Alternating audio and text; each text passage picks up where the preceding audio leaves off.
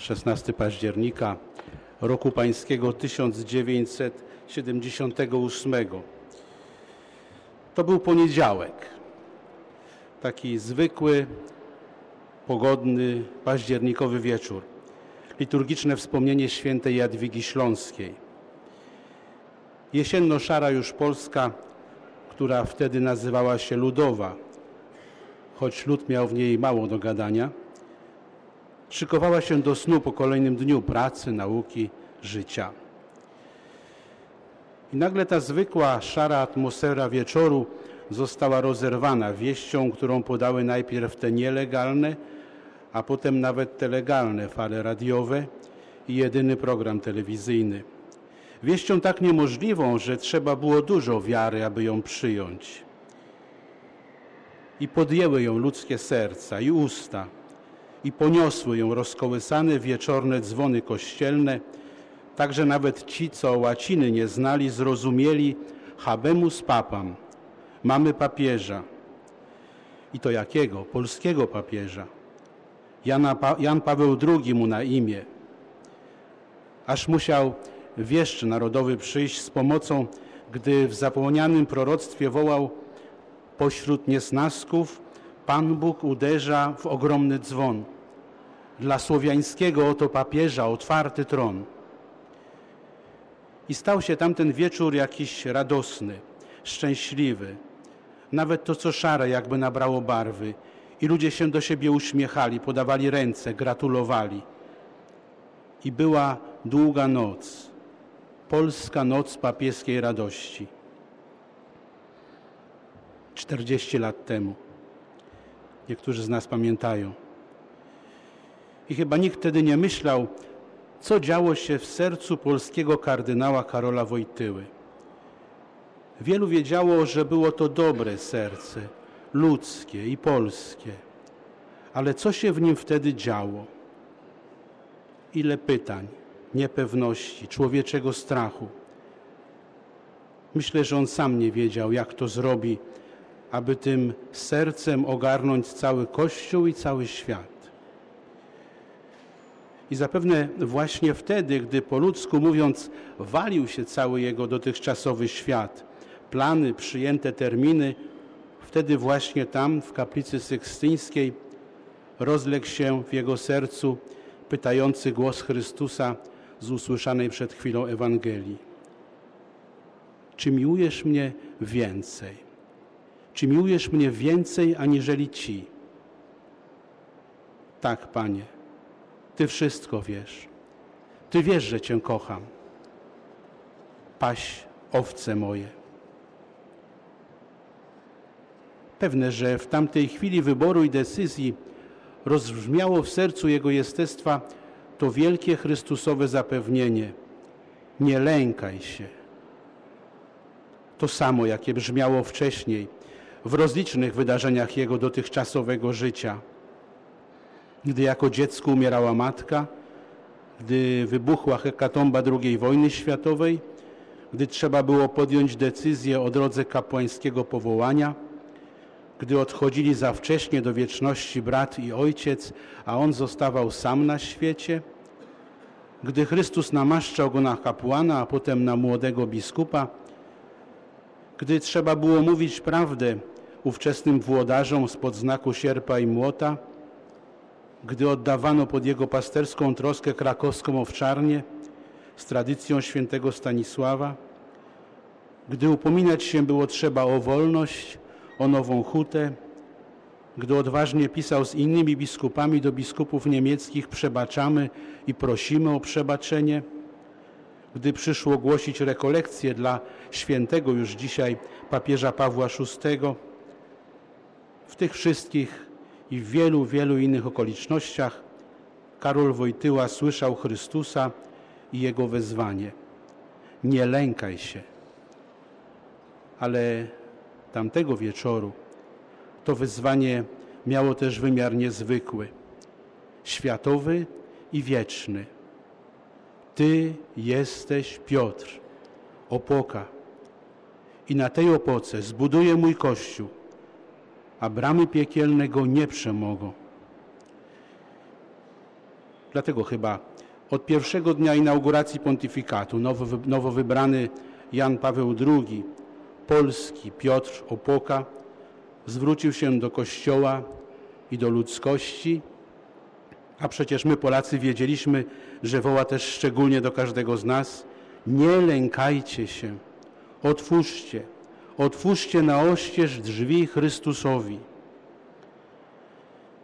A potem był ten cały niezwykły wielki pontyfikat, 26 lat, 5 miesięcy i 17 dni, a każdy z tych dni wypełniony modlitwą i przekładaniem na rozmaite języki, głoszeniem w różnych stronach świata, świadczeniem własnym życiem, aż do przelania krwi tego samego Chrystusowego wezwania i zapewnienia nie lękajcie się. Bo w tamtych wszystkich latach historia Polski i świata chwiała się na różne strony. Tyle było niepewności i strachu. Dlatego, żeby się posłużyć raz jeszcze prorockim wierszem Słowackiego, a trzebaż mocy, byśmy ten pański dźwignęli świat.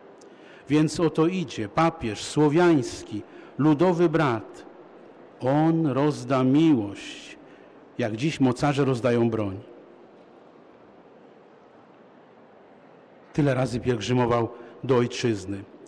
Tyle razy wzywał, zachęcał, przestrzegał, modlił się. Jeden Bóg wie, ile było tych działań poza kulisami, tej troski, także materialnej. Ileż dla Niego znaczyło to słowo i rzeczywistość, solidarność, które niestety potem zostało przez niektórych rozmienione na drobne, na drobne grosze w kasach politycznych układów. Jakże wymowne są te wielkie słowa wypowiedziane na polskiej ziemi. Ten papieski egzorcyzm, aby przegnać czerwonego diabła. Niech stąpi duch Twój i odnowi oblicze ziemi, tej ziemi. Panie prezydencie Rzeczypospolitej, dobrze, że Pan tutaj dzisiaj jest.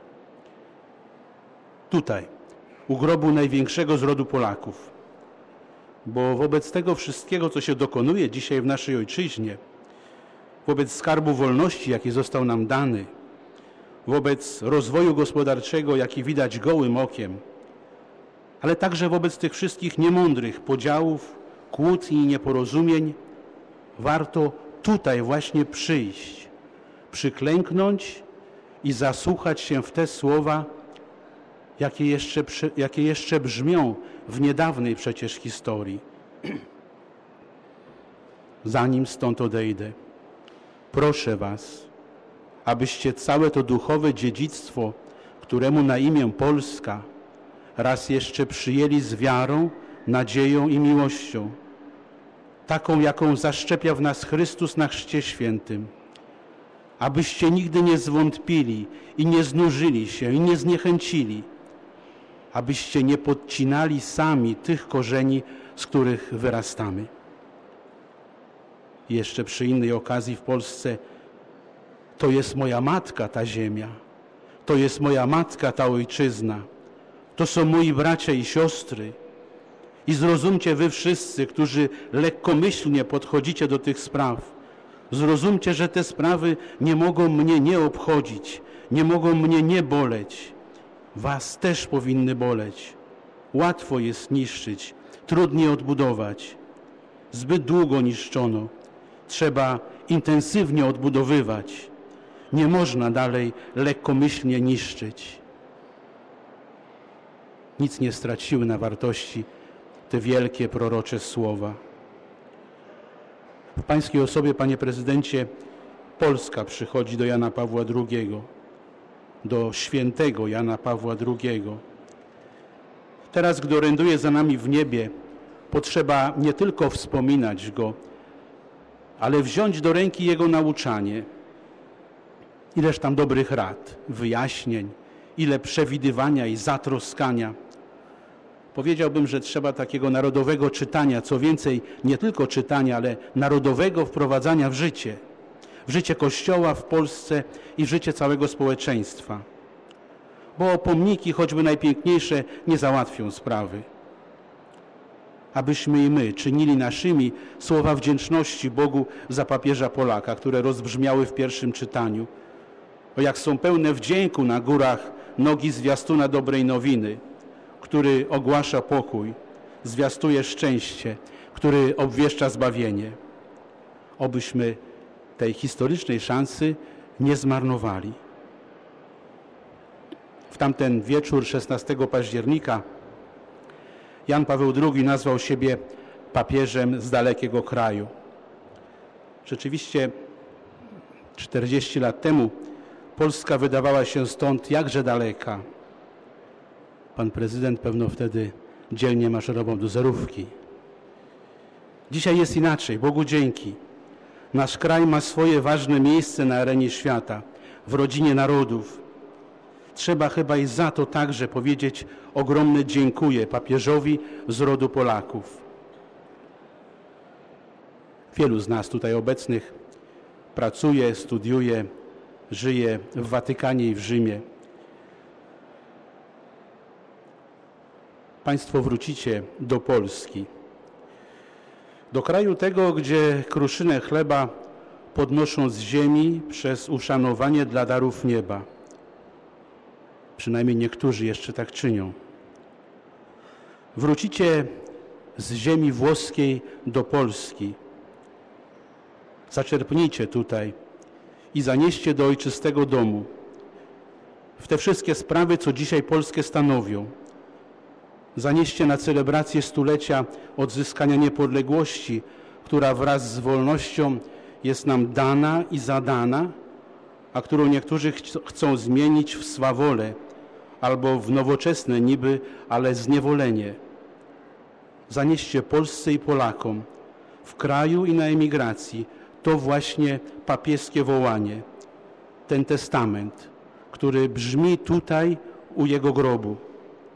Nie lękajcie się.